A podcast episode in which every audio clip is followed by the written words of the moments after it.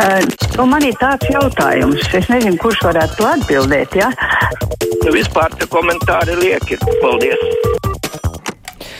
6722, 888, 672, 559, tie ir mūsu tāluņa numuri studijā. Varat mums rakstīt uz adresi kruspunktēt Latvijas radio.lv, varat arī sūtīt ziņu tieši no mūsu mājaslapas. Klausītājs Uldis raksta, sveiki, varētu būt kāds temats par Rīgas domi, par to, ka Rīgā cilvēku pamet Daugaugu grīvas iela, tranzīts uz ostu, parādās sabiedriskā transporta josla, Kalpaka bulvārs centra virzienā. Tas pats velo josla Duntas ielā. Šī ir tikai daļa no tā, ko veic Rīgas domas satiksmes departaments. Šīs rīcības ir tieši mērķētas uz sastrēgumu palielināšanu, jo tā jau darba dienās sevišķi pēcpusdienā veidojas korķi. Šīs visas rīcības liek tikai cilvēkiem pamest Rīgu. Arī es agrāk tikai sapņoju par māju, kur nekurienē, bet nu jau skatos reāli, arī vakaros pastaigājot avotielu čaka baronu logi paliek tumšāki, mājas tukšākas. Šāda rīcība Rīgas doma tikai sevi grauž nost, tā raksta Uldis. Nu, katrs jau saskata citus iemeslus, kāpēc gribas Rīgu pamest uh, autovadītājiem pa maz vietu, kur braukt, velospēdistiem arī pa maz vietu, kur braukt, gājējiem pa maz vietu, kur iet. Nu, jā, visiem labi nav, un rezultātā Rīga paliek tukšāk. Ir jādomā par visiem, protams. Klausītājs zvana Halā. Halo! Labdien! Labdien! Labdien! Gribēju izteikt milzīgi paldies par atgriešanos diplomātiskās pusdienas. Tie raidījumi vienkārši veldzēja. Paldies jums! Paldies! Prieks dzirdēt! Toms mums raksta tā, manas pārdomas par vakcinācijas procesu Latvijā pēc vakardienas aizliegtā paņēmiena noskatīšanās. Protams, ka uzticēšanās mūsu valdībai speciālistiem būs zem katras kritikas. Mans piemērs raksta Toms. Es kļuvu par ķilnieku vakcinācijas centra neizdarībai, neizlēmībai, aizgāju pirmajā dienā, kad parādījās dzīvā rinda, jo solīja, ka citas vakcīnas nebūšot kā viena astra, tāpēc, ja vēloties vakcinēties, jāņem pretī šī pati, godīgi vakcinējos, sāk gaidīt otru vakcīnu pēc brīža jau paziņoja, ka varot izvēlēties, ar ko vakcinēties. Es uzskatu, ka mēs kļuvām par astras ķilniekiem, raksta Toms, jo otra vakcīna bija jāgaida trīs mēnešus. Absurds, tikmēr centrāla tirgu bombzis varēja dabūt Johnsonu un dzīvot cepur kuldams, kamēr mēs nevarējām no Latvijas izbraukt darba darīšanās. Kā šāda neizlēmība, lai atbalsta? Sākumā bija pieejama tikai AstraZeneca, bet uh, to, ka būs Pfizers kaut kad vēlāk, to jau gan teicu uzreiz arī. Bet, ja gribējās ātrāk dabūt vakcīnu, tad vajadzēja ar AstraZeneca potēties. Tas gan. Klausītājs zvana. Halo! Labdien! Labdien! Gunārs no Rīgas. Cik ilgi mana mīļotā valdība slēp sekojušos datus? Slimnīcā ieliet to, to kā slimo, tā arī nomirušo sastāvs pēc etniskām, neetniskām, bet vecumā grupām. Jaunieši, vidus cilvēki, seniori. Kad vienreiz atklāti pateikt? Mhm. Nezinu, kad. Klausītājs viesturs raksta, tukša muca tālu skan pirms divām nedēļām raidījumā pie Domburga Gobzems pārmeta Pavļutam, ka nevarot tikt pie Covid slimniekiem strādāt, jo to nesot. Gobzem uz priekšu saslimstība pieaug, pierāda, ka neesi pliks muldētājs aizējuma nedēļu nostrādā, kaut dienu nostrādā. Tā mums raksta mūsu regulārais klausītājs un rakstītājs viesturs.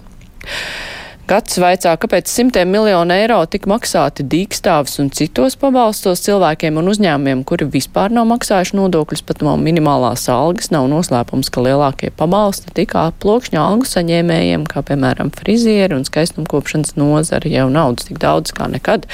Ja arī gadījumā pietrūks, tad var aizņemties vēl, varbūt var arī minimālo pensiju un invaliditātes pabalstu pacelt līdz 500 eiro, kāds bija ar dīkstāvus pabalstiem nodokļus nemaksā, bet 500 eiro katru mēnesi mēnesi garantēti, tā raksta Gatis. Es nezinu, vai lielākie pabalsti bija tieši nodokļu nemaksātājiem. Šodien arī pārāk ilgus tos pabalstus nevarēja dabūt, bet nu, tur tas, ka pabalstu tā sistēma nebija līdz galam izstrādāta, tas jau ir bieži aizrādīts. Klausītājs zvana. Halo!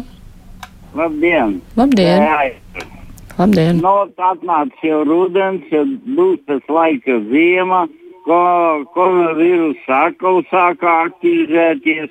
Un cilvēki negrib portēties, tā ir viņa problēma. Nekas daba nemīl tukšumu, jau viņi aizies tur, kur viņi jāaizies. Bet portēķiem ir jāturās, un tagad jau dzirdam no Amerikas uh, ziņām, ka nāk jaunais vīrus, kur trīsais esot indīgāks par deltu. Nu, iedomājieties, kas tālāk notiks. Laikam galam galu nebūs. Vīrusu pēc vīrusiem. Paldies par uzmanību. Mm -hmm, paldies. Gats vaicā, kāpēc nav iespējams pieteikties uz Covid testu vairākas dienas zvanot pēc pusstundas gaidīšanas sarunu pārtrūkst uz e-pasta neviens nekad nav atbildējis, kādi tad ir pareizie Covid slimnieku rādītāji, ja pie testa nevar tik un tā. Covidnieki staigā apkārt un aplaiž citus. Šodien centos bērnu pieteikt uz iekalu testu, lai var iet uz skolu, jo viņš nevarēja skolā nodot. Nu, bija jāpagaida 5, ne, 15, 20 minūtes pie telefona. Nebija viegli sazvanīt. Jā. Ieva raksta valdībai, laikam nekad nesaprast, ka mums jāstiprina veselības aprūpe. Laikam ar covid-19 nepietika, nedaudz naudu piešķīra, tagad atkal var nogriezt. Hm. Juris raksta, vai vienā telpā var būt vakcinējies un nevakcinējies, un cik ilgi?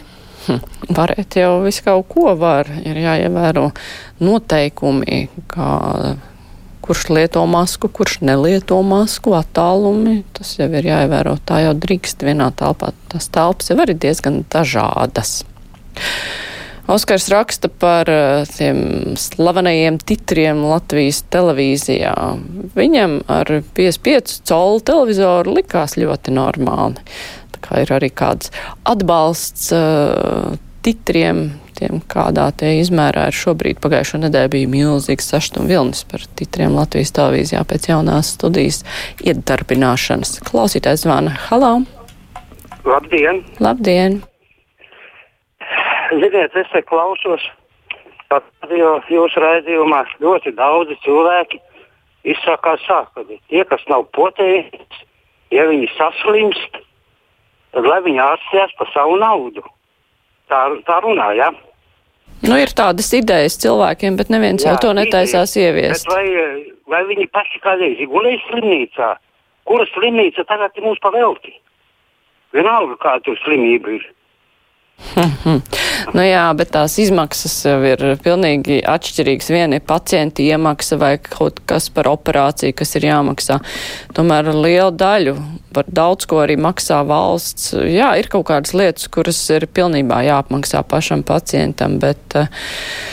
Nu, lielā daļā gadījumu tomēr, ja tā ir tikai pacienta iemaksa, jāmaksā par gultas dienu, nu, tad tas nav salīdzināms ar visām izmaksām, kas valstī ir pēc, eh, par šo ārstēšanu. Klausītājs zvana. Halo! Jā, labdien! Nu, redz, kā interesanti. Tas Gunārs parasti interesējas, kāda tur situācija ir ar potētiem, nepotētiem. Tagad jau viņš grib šķirot pēc nacionālā, pēc eh, vecuma principa un diezgan kā. Nu, Es te vakar man Aidis Tomsons pārmeta, ka es matemātiku neprotot. Es teicu, 30% no saslimušajiem ir potēti, nu tagad papētīju 20%. Drusku biju kļūdījies, bet vienalga redzams tā pote nav panacēja. Un tas, ka tagad mūsu saima tomēr nolēma, ka nebūs profesiju saraksta, kurus patīs no darba, ja viņi nebūs potēti, no nu tas tomēr parāda, ka var izcīnīt, ja grib. Vienīgi, diemžēl, Govzams ne par to galveno cīnās, necīnās pret migrantu problēmu Latvijā, necīnās pret homoseksuālismu izplatību. Viņš neagitē par ģimenes iedziena nostiprināšanu satversmē. Viņš arī neuzskata, ka vajadzētu izbeigt runas par kompensāciju maksāšanu zīdiem no latviešiem, kuri jau vairāk ir cietuši otrā pasaules karā. Mm -hmm. nu, jūs ieteicāt tagad Aldim Gobzemam, ko vēl var ielikt savā programmā. Tā kā, ja viņam tas liksies interesanti, viņš to varēs arī droši izdarīt. Bet runājot par to, ka potēties saslimst, tur jau ir desmit reizes stāstīts, simts reizes stāstīts, jā, var saslimt. Pirmkārt, mazāk var saslimt, vieglāk saslimst. Tie, kas ir reanimācijā, tur nav potētu cilvēku. Nu, tas jau ir tas svarīgais rādītājs, lai veselības sistēma var izturēt, lai nav jāšķiro pacientu, kuram tad dot to reanimāciju un kuram nedot. Nu, par to ir stāsts. Turklāt arī pārnes potētajiem ir mazāka. Tā vismaz zinātnieki apgalvo. Klausītājs zvana. Halo! Labdien! Labdien. Vakar es klausījos, Gatis Šmits runāja 24. kanālā televīzijā. Viņš gribēja arī pa prezidentu būt. Un viņam bija, viņš teica tā, ka nu, Somijā tur skolotāji un bērnu dārza audzinātāji saņem algas, bet neatšķirās daudz no mūsu algām. Arī tikai 4-6 tūkstoši mēnesī, nav tur desmitiem tūkstoši. Un ka mums vajag vairāk izglītību ar maģistru. Man draudzene arī, un viņas visas, var teikt, no bērnu dārza aizgāja. Viņām ir maģistra izglītība, viņa bērnu dārza audzinātāji, arī skolotāji maģistra izglītība. Nu, šī tāds prezidents mums gan būtu jēdzīgs, kas iedomājas, ka bērnu dārza audzinātājiem ir 4000 mēnesī, un viss ir ar pamatskolas izglītību. Nu, viņš tiešām nav pie pilna krāta. Mm -hmm. Paldies par zvanu. Vēl klausītājs zvana. Halo! Labdien! Labdien! Nu, mēs visi ļoti labi atceramies Ziemassvētku laiku, jaungadu laiku, kad viss brīdināja mūs nekur neiet un nu, nečupoties. Sakat, lūdzu, un kas notika tagad pēc uh, sektantu sajiešanas? Kāpēc tur neviens nevienu vārdu nerunā?